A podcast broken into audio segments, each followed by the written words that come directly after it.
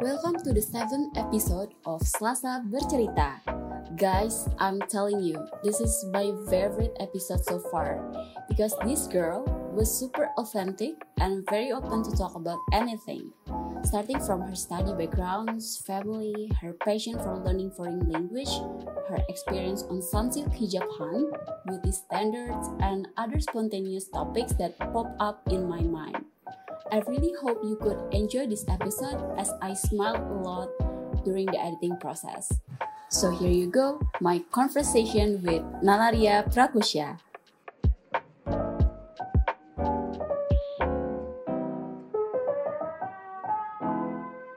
Oke, Assalamualaikum warahmatullahi wabarakatuh. Hai Nala, I am so happy to have you here. Apa kabar nih?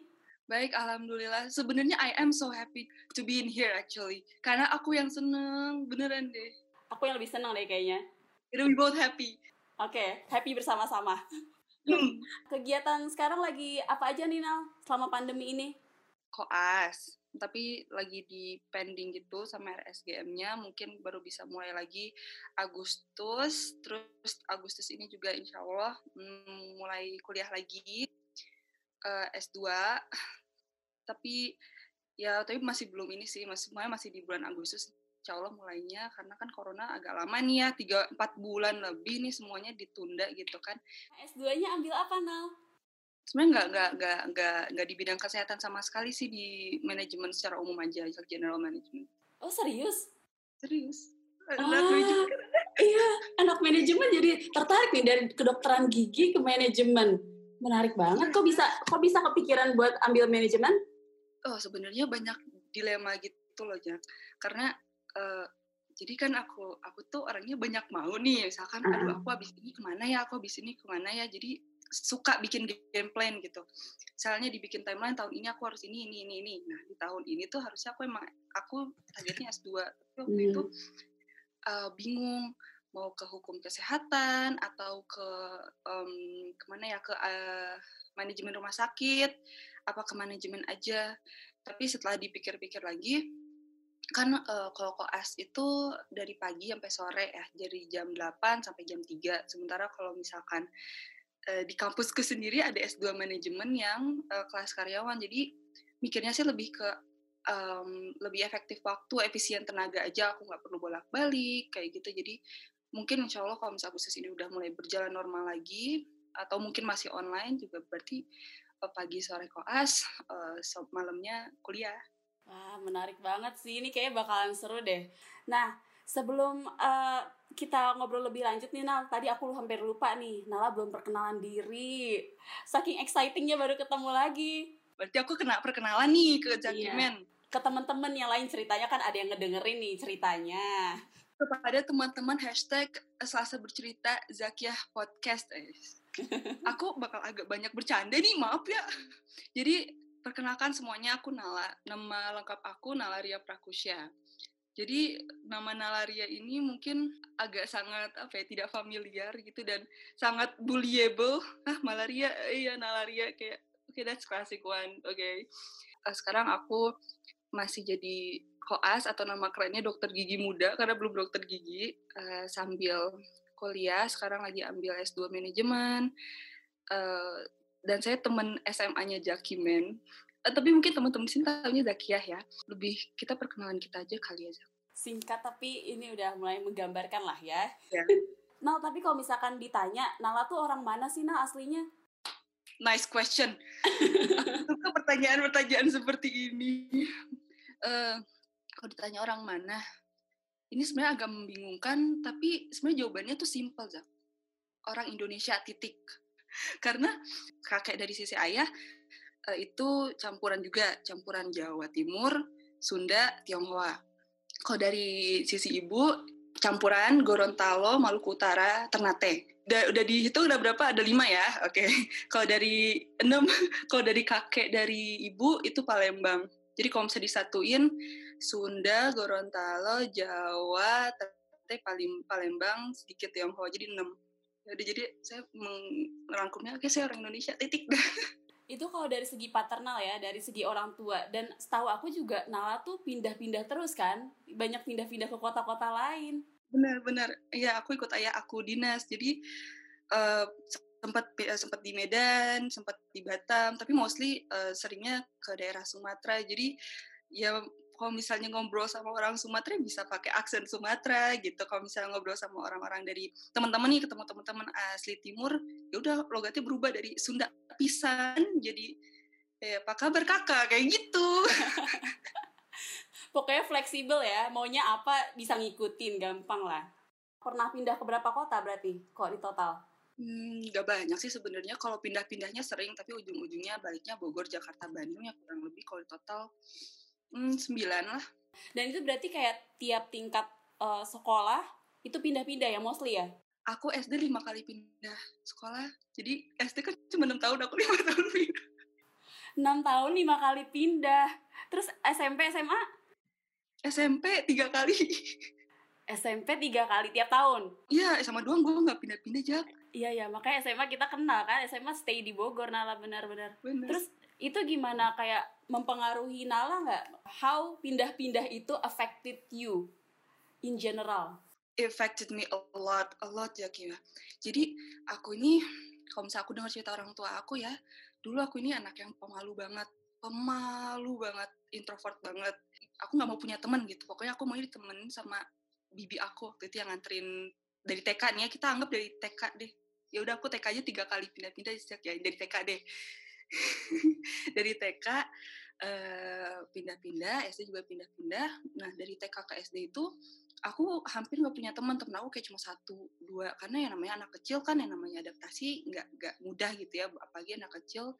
Dan aku dari kecil adalah anak rumahan jadi teman aku ya boneka bukan manusia gitu kan jadi I don't know how to be friend with uh, to make a make a new friend with teman-teman sebaya yang masih waktu masih kecil. Jadi kerjanya nangis ngap tantrum lah gitu tantrum gitu. Aku takut aku malu. Terus akhirnya gue mulai beradaptasi. Menurut gue gue rasa dengan baik tuh yang pas SMP udah remaja lah ya udah oke okay lah ya temenan gitu. Ya tapi it doesn't affect me a lot waktu kita waktu aku masih di sekolahan. Tapi it affects me a lot waktu udah di universitas sih. Langsung kayak kalau misalnya kita masuk uh, perguruan tinggi kan teman-teman nggak dari Jawa Barat aja dari Bandung doang atau Bogor doang benar-benar dari dari seluruh Indonesia. Jadi pas di pas di kampus ketemu nih teman yang dari Batam yang dari Medan bahkan kayak teman yang udah dari Ambon baik lagi ke Bandung lo kok lo di sini? Iya gue di sini kayak gitu. Jadi it affects me a lot when it comes to uh, making network networks gitu. Terus ketemu dari teman-teman apa ya teman-teman misalkan dari Telkom nih eh lo kenal ini? Iya gue kenal. Lo kenal sih? Iya tuh teman gue di Medan. Hah lo pernah di Medan? Eh dia mana dari Medan ya kayak gitu. Jadi lebih membantu gue pas pas making you know relations gitu. Oke okay, that's nice Uh, terus Nal, aku kan keinget juga nih waktu SMA tuh kayaknya Nala minat banget di bidang sosial. Makanya aku prediksi aku sih kayaknya si Nala antara ngambil HI atau politik atau komunikasi atau hukum bahkan. Nah, terus agak kaget nih. Nala jadinya kedokteran gigi. Wah, gimana uh, ceritanya bisa edit up di kedokteran gigi waktu itu? Oh, it's actually a long story. Jadi awalnya itu ya kan seperti yang kita tahu ya Ibu Zakiman eh gue gue manggilnya Zakiman gak apa-apa nih apa Zaki ya, aja? bebas kok bebas. Uh, kan gue malu tuh satu ini kan satu passion banget. Ya ya benar. Ensemble ya. violinis. Uh, humaniora atau enggak yang um, berbau apa ya seni teater teatrikal gitu loh teater gue waktu itu gue gue debat bahasa Inggris pokoknya something about humaniora humaniora gitu terus kita sempat aktif di kayak youth movements gitu youth movements gerak ID lo inget gak sih? Inget dong, inget dong. kita benar-benar satu satu passion dan tiba-tiba gue mencet dari humaniora yang sosial banget, eh ke kedokteran gigi gitu. Jadi emang waktu kotes ya kita kan sempat tes uh, kepribadian dan minat bakat itu kan. Ya empat nih empat ini gue empat uh, potensi gue pertama psikologi. HI Pikom sastra. IPS semua kan tapi kalau misalnya di awal sih memang waktu gue SD cita-cita gue emang jadi dokter gigi za simply because karena gue suka wangi kantor dokter gigi. Udah gitu doang. Sesimpel itu karena kok kayaknya keren ya dokter gigi si apa sih kursinya kan naik turun. Terus kayak satu tombol kok kok semuanya gerak? kayak gitu. Terus waktu kecil juga gue kalau misalnya ada boneka? gitu kan kadang boneka ada yang senyumnya lebar ya. Ya, ya udah gue gambar-gambarin aja cerita si giginya tuh bolong. Jadi gue pura-pura jadi dokter gigi gitu kan. Tapi semua itu menghilang ketika uh, gue masuk uh, waktu kelas 6 SD gue mulai ikut lomba um, speech competition. Kayak oke okay, ini kayaknya gue sosial apa ya kayak ya udahlah gue lebih suka di bidang-bidang humaniora gini gitu. SMP mulai. SMP gue pengen jadi fashion designer. Ya lalu SMP SMA gue pengen akhirnya gue ketemu tim debat uh, ya udah deh gue kayaknya pengen masuk HI atau nggak hukum atau nggak Vkom itu benar-benar yang kayak ketemu orang how we deal with problems and I talk to them kayak gitu lah. Uh, tadinya tuh gue pengen masuk IPS ya karena gue ngerasa kayak yes, IPS tuh gue banget gitu kan. Tapi uh, kalau misal gue denger mungkin cerita cerita gue nih kurang lebih uh, mirip sama beberapa teman-teman hashtag Zakia bercerita eh Selasa bercerita ya Zakia kan mostly gue dengerin loh oh, gue iya. dengerin loh Zak. Gue ngikuti iya. Mostly kan teman-teman teman-teman di podcast apa ya menitik beratkan saat kita mau memutuskan sesuatu tanya sama orang tua kita. Karena ridonya ridonya orang tua itu ya itu tuh kunci terbesar gitu kan. Uh, saat itu memang sih kayak aku mikir apa aku ke kedokteran aja karena orang tua aku kenapa kamu gak coba kedokteran? Kayak gitu kan kedokteran umum gitu. Keren loh gitu bagus gitu. Tapi se passion aku nggak ke kedokteran umum. Jadi aku nyari kira-kira medical track apa yang yang yang cocok buat aku yang enggak yang gimana ya kalau misalnya kedokteran umum kan aku paham sekali gitu ya. Mereka belajarnya benar-benar buku dan sangat-sangat apa ya sangat-sangat detail gitu per per bagian per bagian anatomis dan itu seluruh tubuh. Dan aku merasa oh I need something more than that gitu. I need something less than that or more than that. Jadi akhirnya aku karena aku aku keinget lagi kok aku dulu kayak pengen jadi dokter gigi. Akhirnya aku searching searching what apa sih apa sih dokter gigi tuh ngapain gitu. Sampai aku bertemu dengan sebuah ini uh, wallpaper Pinterest gitu Zak. Dari Pinterest dentist tulisannya D doctor EN engineer artist artist kayak oh oke okay. I think I'm I'm gonna go I'm gonna go with wow. dentistry simply cuma wow. ya simply cuma karena oh oke okay, it was nice I think I think I gotta I gotta try for the artistry karena yang terakhir itu kan artis kayak oh ada seni seninya ya udah kayak gitu kan terus waktu itu gue mikir-mikir juga uh, kan uh, beberapa keluarga gue ada yang dokter umum ada yang dokter gigi terus yang dokter umum ini gue rasa um, um, uh, apa ya uh, pekerjaannya tuh um, memiliki tanggung jawab yang maksudnya dua-duanya besar tapi uh, dokter umum mereka stand, tends to um, stay at the hospital 24 hours itu benar-benar 24 jam. Maksudnya tanpa tanpa mengurangi tanpa mengurangi rasa hormat atau gimana. Dan dokter gigi yang gue lihat ya Zak hari Minggu libur hari libur hari libur hari libur nasional dan hari Minggu tutup gitu. Oh, oke. Okay. terus uh, family friendly juga kan jamnya. Kalau misal lu lihat deh kalau misal di dokter gigi kalau nggak jam 8 sampai jam 12 jam 4 sampai jam 8 iya benar gitu kan. Karena uh, maksudnya tanpa tanpa mengu tanpa mengurangi rasa hormat gue dengan profesi lain gitu ya. Tapi uh, saat itu uh, saat itu sebenarnya prioritasku tuh cita-cita gue adalah gue pengen jadi ibu rumah tangga yang baik. Oh, oh jadi cita-cita aku adalah full time mother, part time dentist. Ya namanya juga uh, kalau misalnya orang-orang kan memiliki mimpinya masing-masing ada ada perempuan yang aku pengen jadi CEO I mean that's that's that is her dream and support her with that. Ada lagi aku pengen jadi ibu dari tujuh anak karena menurut aku banyak anak banyak rezeki. I mean that's her dream support her. I mean girls empower each other is supposed to be like that right? Terus ya udah mimpi aku itu aku pengen jadi ibu rumah ibu, ibu yang baik tapi aku juga pengen jadi dokter gigi. Ya udah jadi aku full time mother part time dentist pengennya gitu kan. Jadi ada waktu aku di mana nanti aku akan bisa memprioritaskan anak-anak aku dan aku aku pengen apa ya nanti melihat mereka tumbuh. Ya, maksudnya ini adalah mimpi semua mungkin mostly perempuan akan bermimpi untuk untuk menjadi ibu yang baik atau ya seperti itu. Jadi then I choose dentistry karena this medical track they have um, family friendly office hours.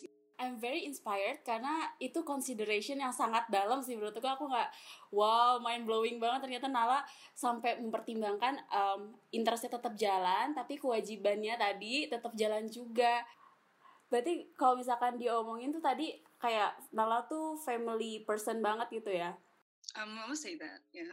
Kalau misalkan di keluarga nih, Nala paling deket sama siapa sih? Ayah. Lebih sama ayah. sama ayah kali ya.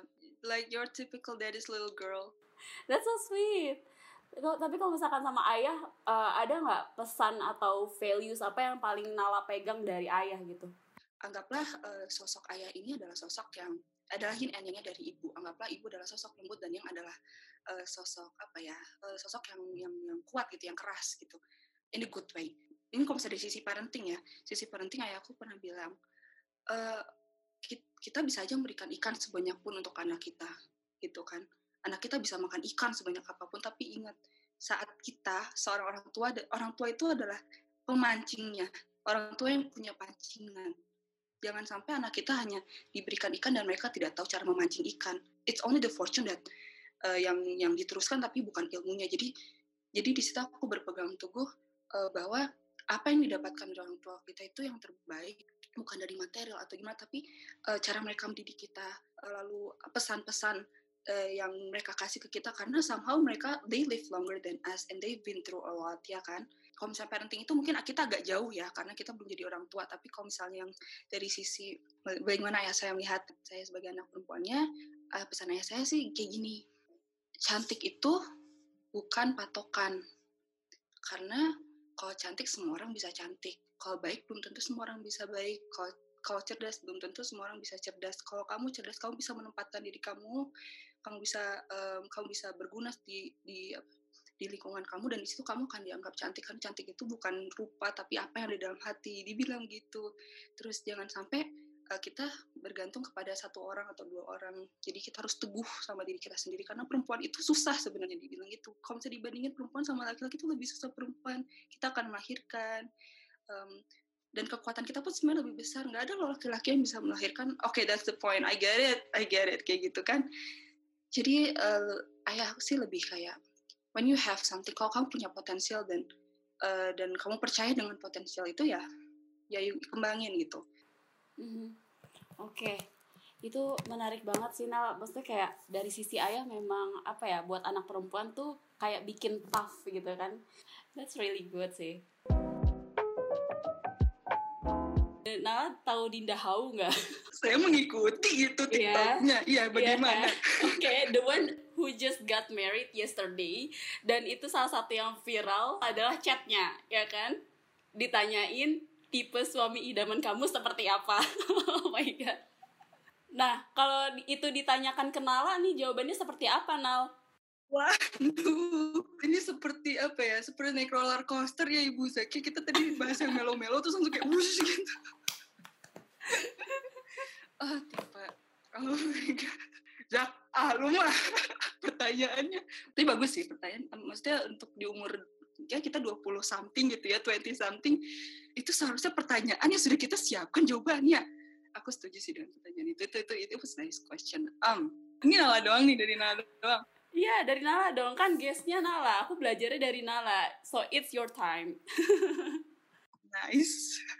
Jadi pertanyaan dari tipe cowok idaman apa tipe suami idaman? Suami. oh my god, it, it's a hard question. Hard question. Abisnya di underline sama Zaki suami. Suami uh, agak subjektif ya kalau misalnya kayak gini tapi we'll, we'll make it general. Kita akan misalkan bikin topik ini general. Pasti semua orang akan akan mengatakan seiman dan uh, dia taat sama aturan di agama kita. Well, that's just it, in general gitu kan. Uh, dia taat dengan segala aturannya. It's it's sudah pasti. Terus sebenarnya kalau tipe-tipean gitu gue nggak begitu apa ya nggak begitu muluk-muluk sih Zak abisnya as we meet a lot of people gitu seiring kita bertemu dengan orang banyak begitu juga dengan Zakia uh, kita pasti ditemukan dengan banyak jenis orang dan kita tidak bisa menggeneralisasikan mereka satu-satu. Gue pengen yang tinggi atau enggak gue pengen yang, oh gue pengen yang mirip Limin. emang ada kayak gitu kan? Kayak gitu, emang ada? Ya ada, tapi mau nggak sama lu gitu kan? But let's not generalize it gitu.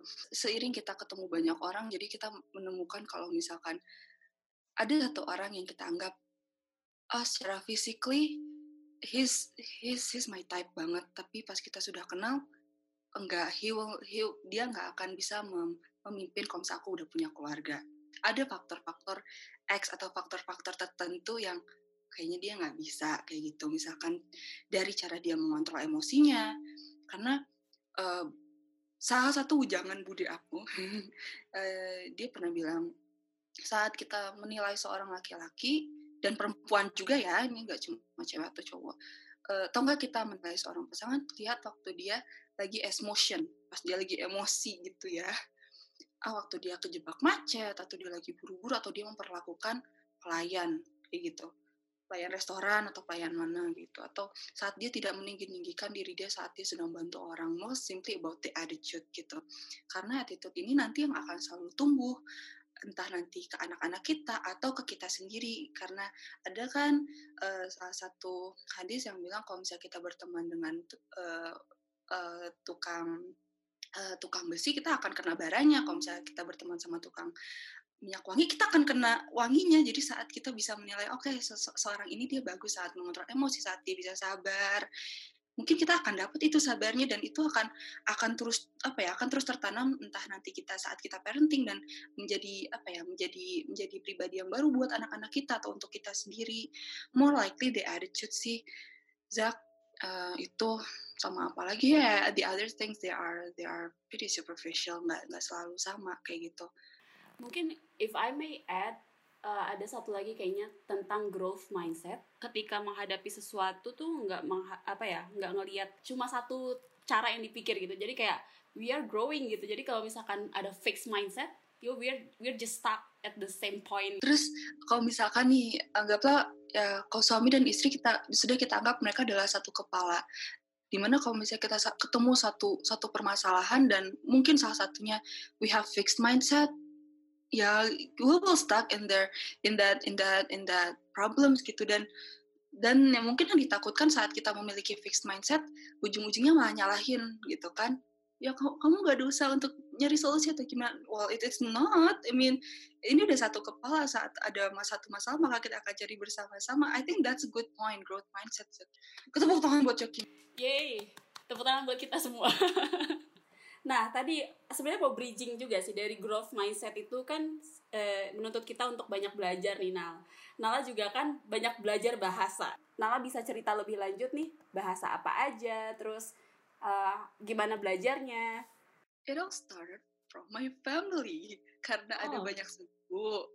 Jadi otomatis kalau ada uh, keluarga, misalkan keluarga dari Palembang datang, oh itu bahasa Palembang. Terus kayak oke okay, mulai ngerti. Terus ada bahasa Gorontalo ntar ada bahasa Manado ntar ada bahasa Jawa ntar ada bahasa Sunda. So uh, jadi sudah terbiasa gitu kok. Oke okay, there are a lot of languages. Uh, mungkin ya mungkin menurut aku waktu itu waktu aku masih kecil kayak oh it is it is it is interesting kayak gitu. Terus lama-lama aku mulai uh, belajar bahasa Inggris sendiri. Kalau bahasa Inggris um, uh, otodidak karena suka main game dan nonton film I mean we all do that right? Terus uh, kalau bahasa sih bahasa yang benar-benar aku uh, pelajarin sampai kursus tuh bahasa Prancis karena kita kan satu SMA bahasa asingnya bahasa Prancis sama Darwis kan Jak? Oui oui oui oui oui baguettes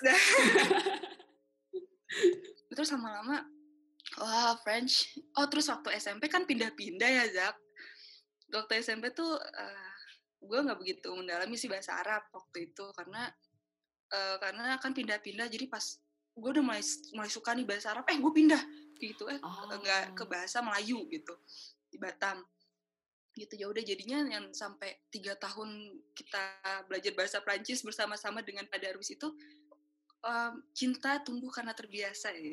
oh. kayak gitulah ya akhirnya aku aku aku eh, pas lulus SMA pas udah kuliah aku aku ikutin lagi bahasa Prancis kursus sempat di Medan karena pindah-pindah ikut kursus di Medan di Bandung di IVI uh, ya udah terus lanjut lanjut lanjut. Kok dari bahasa Prancis ke Spanyol tuh mirip Zak?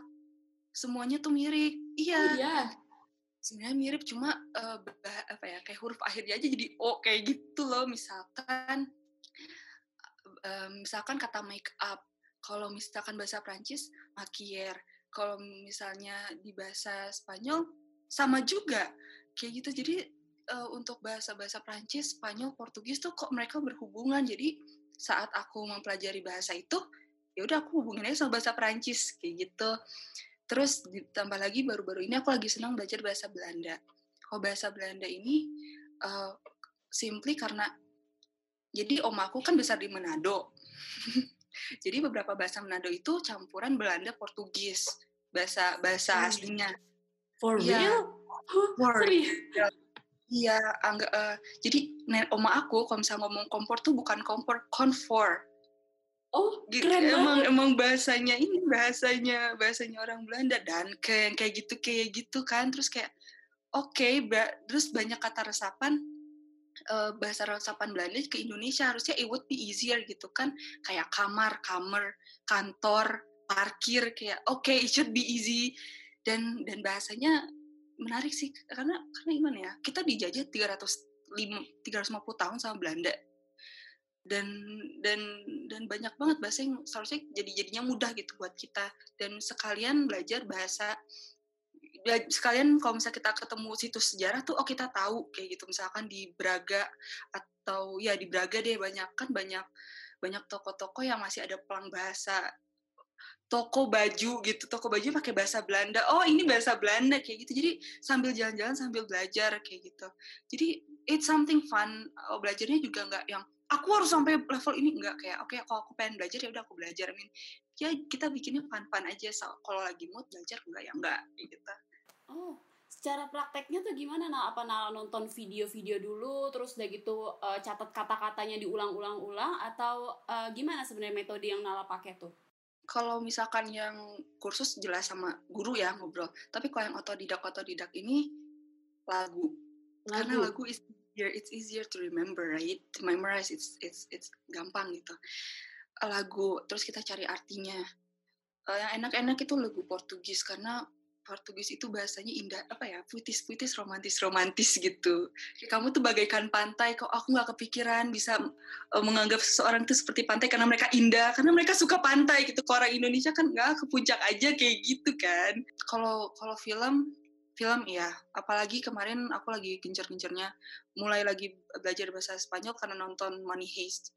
Sama uh, misalkan lagi diem misalkan lagi nyetrika nih nyalain aja audio apa audio menyetrika sambil diulang-ulang diikutin diikutin nanti pas udah nyetir nih kan nyetir sendiri gak ada yang lihat dong ya udah aku pura-pura ngobrol aja pakai bahasa Belanda kayak gitu nggak malu jadi kok salah-salah ya udah itu kayaknya ya udah gak apa-apa kayak gitu berarti total ada berapa bahasa now Fransai Belanda hmm. Spanyol Spanyol masih dikit-dikit sih Spanyol. Oke, okay. Hmm. Portugis. Spanyol sama Portugis barengin ya, bisa mereka mirip. Oh. Okay. Ya, Spanyol sama, mm-hmm. nah gue sekarang lagi mulai belajar lagi, Jak.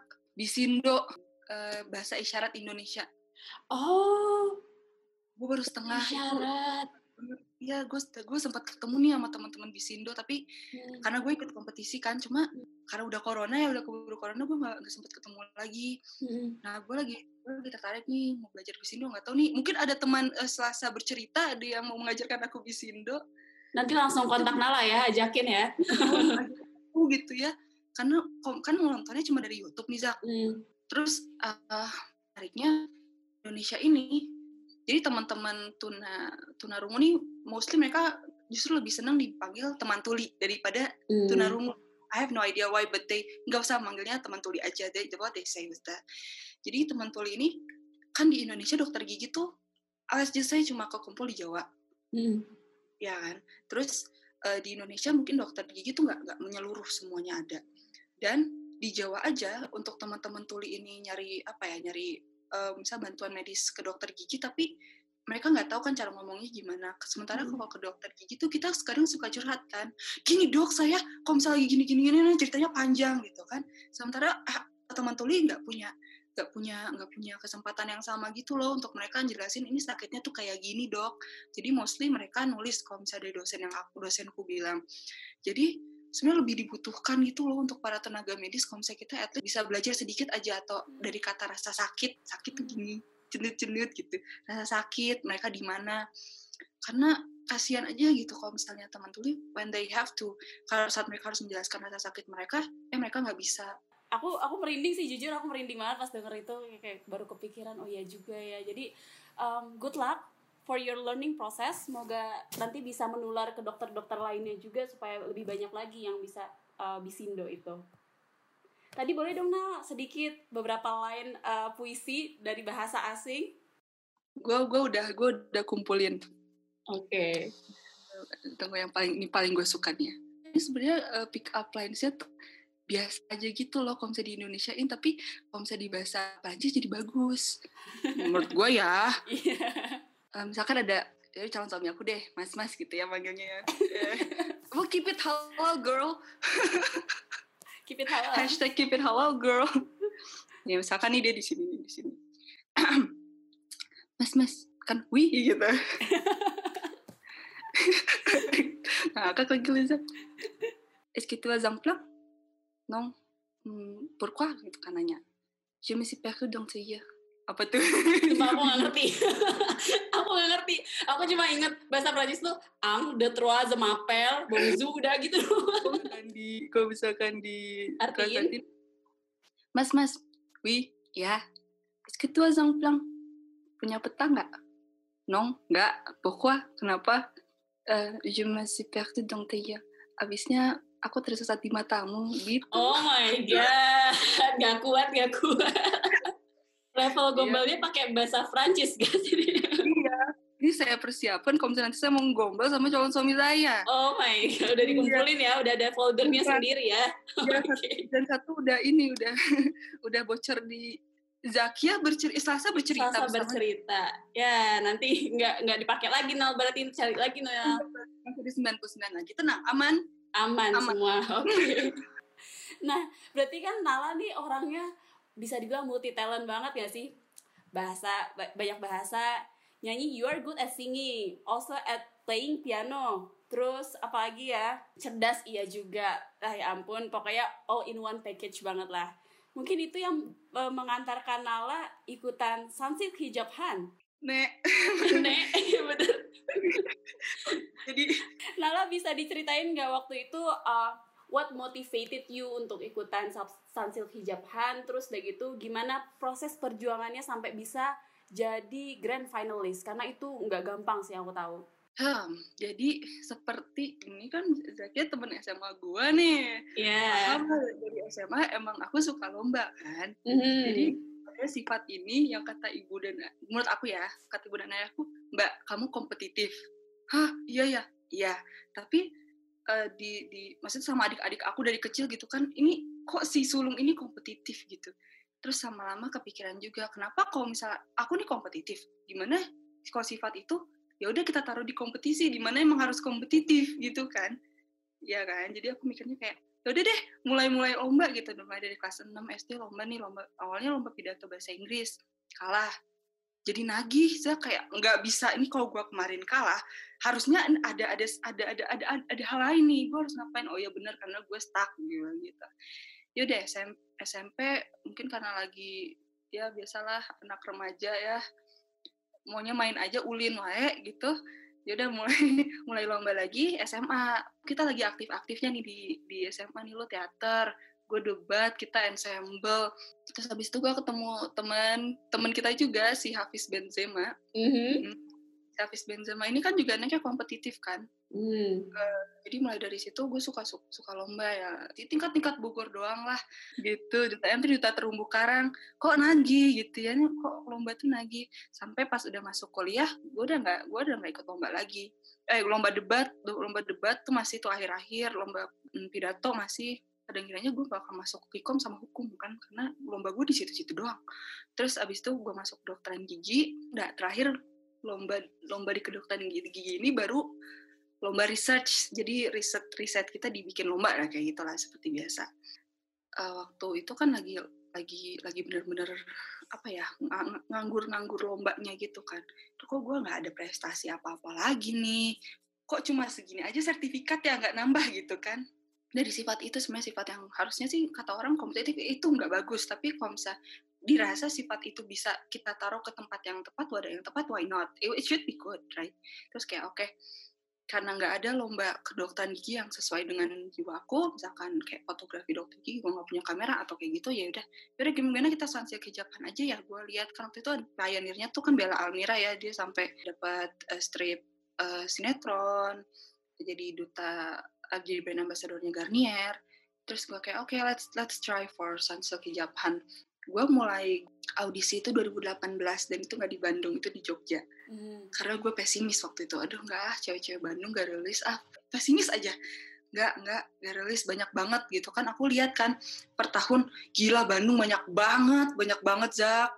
Sini kalau Jogja Jogja adem ayam gitu loh. Hmm. cuma segini cuma segini. Kok Bandung kok sampai sesak banget gitu. Ya udah gue coba Jogja karena uh, sekalian jalan-jalan juga gitu. Terus kalau Jogja kok kayaknya nggak terlalu banyak orang-orangnya. Gue lolos cuma sampai 30 besar. Dia nggak nyampe nasional. Jadi cuma sampai Jogja doang. Eh 20 besar 20 besar.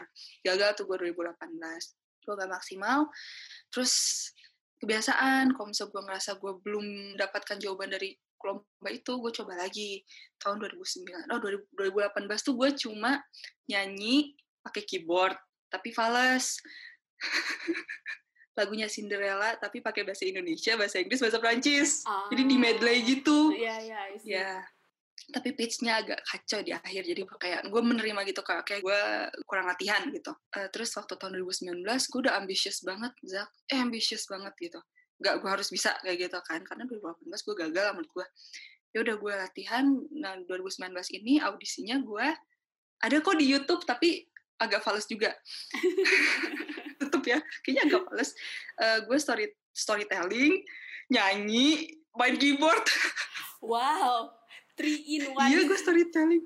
Three in one juga uh, kan gue nggak tahu ya kalau misalnya di FKG harus public speaking ngapain ya udah satu-satunya storytelling tentang gigi ke anak-anak kayak gitu. Tapi awalnya gue nggak lolos di di tahap uh, grand finalis. Jadi gue cuma dapat tiga besar. Jadi runner uh, yang nanti jadi perwakilan ke nasional runner up sama runner up dua eh runner up satu dua itu gue berarti udah tuh gue udah nggak dipanggil lagi nggak di ya udah udah ya udah mungkin bukan rezeki gue gitu gue gue pulang aja gitu. Makanya gue nggak mewakili mewakili Bandung. Terus beberapa waktu kemudian uh, di Instagramnya hijaban tuh dibilang kita ada dua wild card dibilang gitu. Oh. jadi total uh, 10 grand finalist jadi 8 grand finalist dari audisi dua lagi wild card. Hmm wild card tapi gue udah kayak ya udahlah enggak lah kayak gitu loh. Yang di Medan udah disebutin wild card Medan. Baidura nah Baidura ini dia pendakwah dari Medan. Nah satu lagi udah wild card terakhir belum disebutin nih. Terus sempat ditelepon lagi sama si produsernya Nala kamu nggak dapat wild card? Kamu udah tahu nggak wild card itu apa? Hah enggak enggak. Kan wild card cuma ada di Masterchef ya? Oke okay, gitu. Uh, ya nih uh, sesuai dengan apa keputusan teman-teman di hijapan juga wildcardnya kamu sama Baidura gitu. Oh ya udah oke okay. akhirnya akhirnya gue jadi perwakilan Bandung dua perwakilan Medan dua. Ya udah akhirnya gue di gue gue karantina. Nah di sini Sunsilk hijapan ini bukan beauty pageant. Karena biasanya beauty pageant mereka punya punya standar fisiknya minimal kamu tinggi 100 sekian berat sekian gitu kan. Kalau di sini enggak. What the talent you have you show it it's supposed to be the one who uh, pokoknya si bakat itu adalah adalah hal yang harus kamu tonjolkan kayak gitu di Japan ini. Waktu di uh, di hijapan aku nggak menang satu juara satu dua tiga pokoknya uh, ya grand finalist kayak gitu. Dan alhamdulillahnya di di hijapan kemarin itu sepuluh sepuluhnya gue nggak ngeliat tanda apa ya kesikut sikutan jatuhkan gitu alhamdulillah. Enggak justru kayak lagi ada 10 cewek berliburan bersama-sama di Jakarta. Lebih kayak gitu tapi it was a humbling experience karena uh, saat apa ya saat kita merasa jangan sampailah kita merasa sombong kayak oh gue sampai gue udah udah udah perwakilan Bandung nih terus kayak saya sombong gitu. Dan dan dan saat kita ketemu dalam arena yang lebih besar lagi there are a lot of people yang lebih lebih lebih lebih banyak talentnya kayak gitu ya. Uh, dunia broadcasting tuh serapid itu semuanya tuh cepat kayak gitu. Ya jadi pengalaman yang bagus sih hijapan ini. Terus apalagi ya yang yang bikin yang bikin hijapan menarik itu uh, the diverse. Karena semua finalisnya kalau misalkan kita bilang beauty pageant bukan. Tapi mereka mereka inspiring kayak gitu loh. Jadi it doesn't always have to be the looks. Karena kalau misalkan contoh saya ini. Misalkan kamu tuh nggak tinggi now gitu. Tapi kok bisa sih ke hijabhan kayak gitu loh? Atau kayak uh, berat badan gue tuh 55 dan harusnya di dunia pageant itu gue udah gendut don't have a, maksudnya mereka nggak nggak melihat ini sebagai big problems kayak gitu. It's really good to hear from you karena um, ini penting banget buat dilurusin di sini kalau misalkan yang Nala rasain itu nggak berasa kayak pageant gitu kan. Terus sama ini sih uh, being kompetitif. Sebenarnya aku juga dari dulu kan dari TK itu juga kompetitif banget. Kita sama-sama kompetitif lah ya istilahnya. Sebenarnya the idea of being kompetitif itu bukan dapetin apa ya awards or ya trophy. Kalau menurut aku lebih kayak the strong desire to keep improving improving ourselves gitu. Iya bener-bener banget. Kalau misalnya kita nggak di challenge kita nggak tahu lo kurangnya apa. Kalau mm-hmm, misalnya nggak tahu kurangnya apa mau improve improve yang mana? Kalau yeah. misalnya kita udah ngerasa sempurna ya yeah. apa sih yang harus diimprove enggak kita kita pasti harus ketemu orang yang bisa mem apa ya ngasih kita ini loh kamu kurangnya di sini. Terus kamu hmm. kalau misalnya kamu kalah berarti kamu tahu dong kurangnya di mana. Dan it, it should be it should be the one yang, yang kita improve gitu. Kalau misalnya ada lubang nggak ya udah. Ya yeah, that's so true. Ya yeah, bener banget. Oke okay.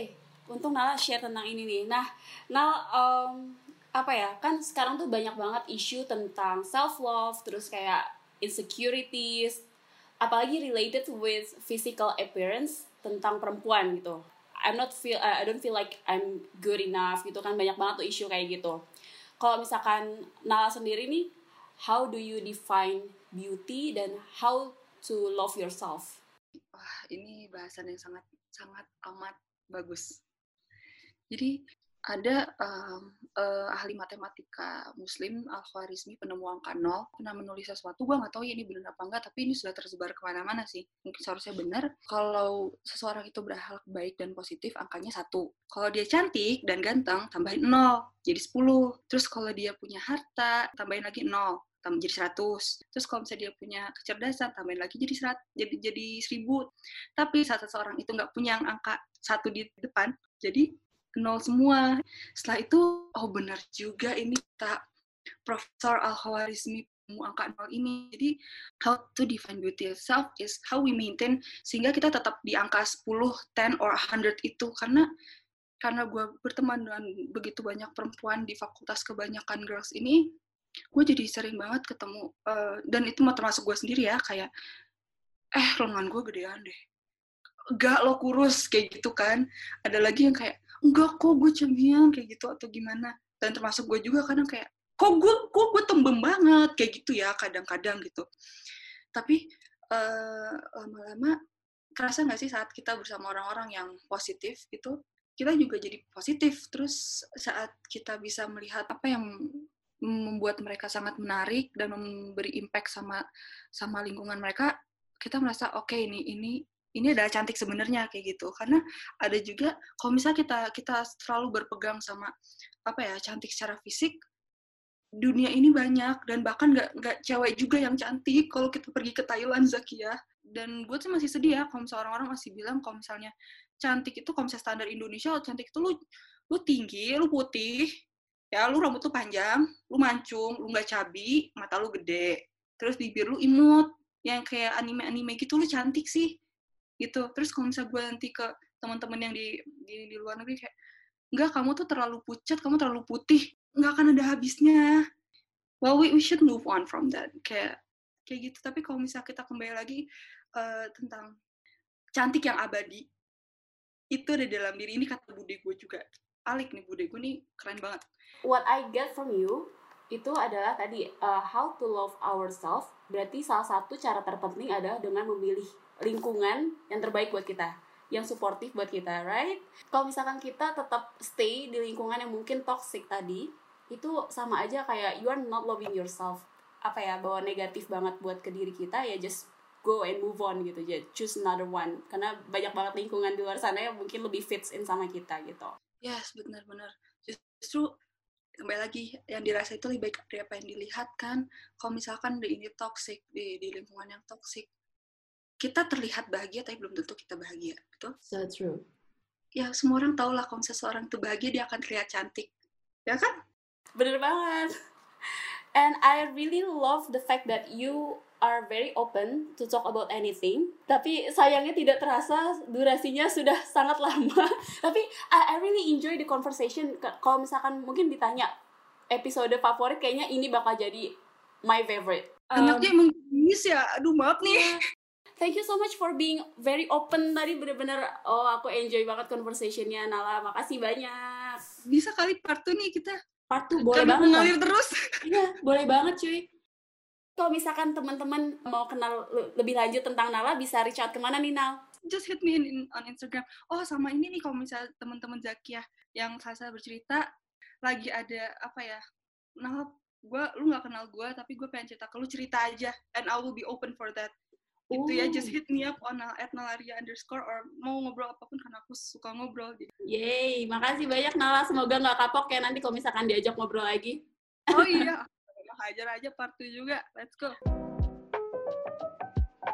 Pagi-pagi memandang awan, sore hari menanti senja. Terima kasih ya sudah mendengarkan. Sampai jumpa di hari Selasa. Berbagi inspirasi lewat cerita.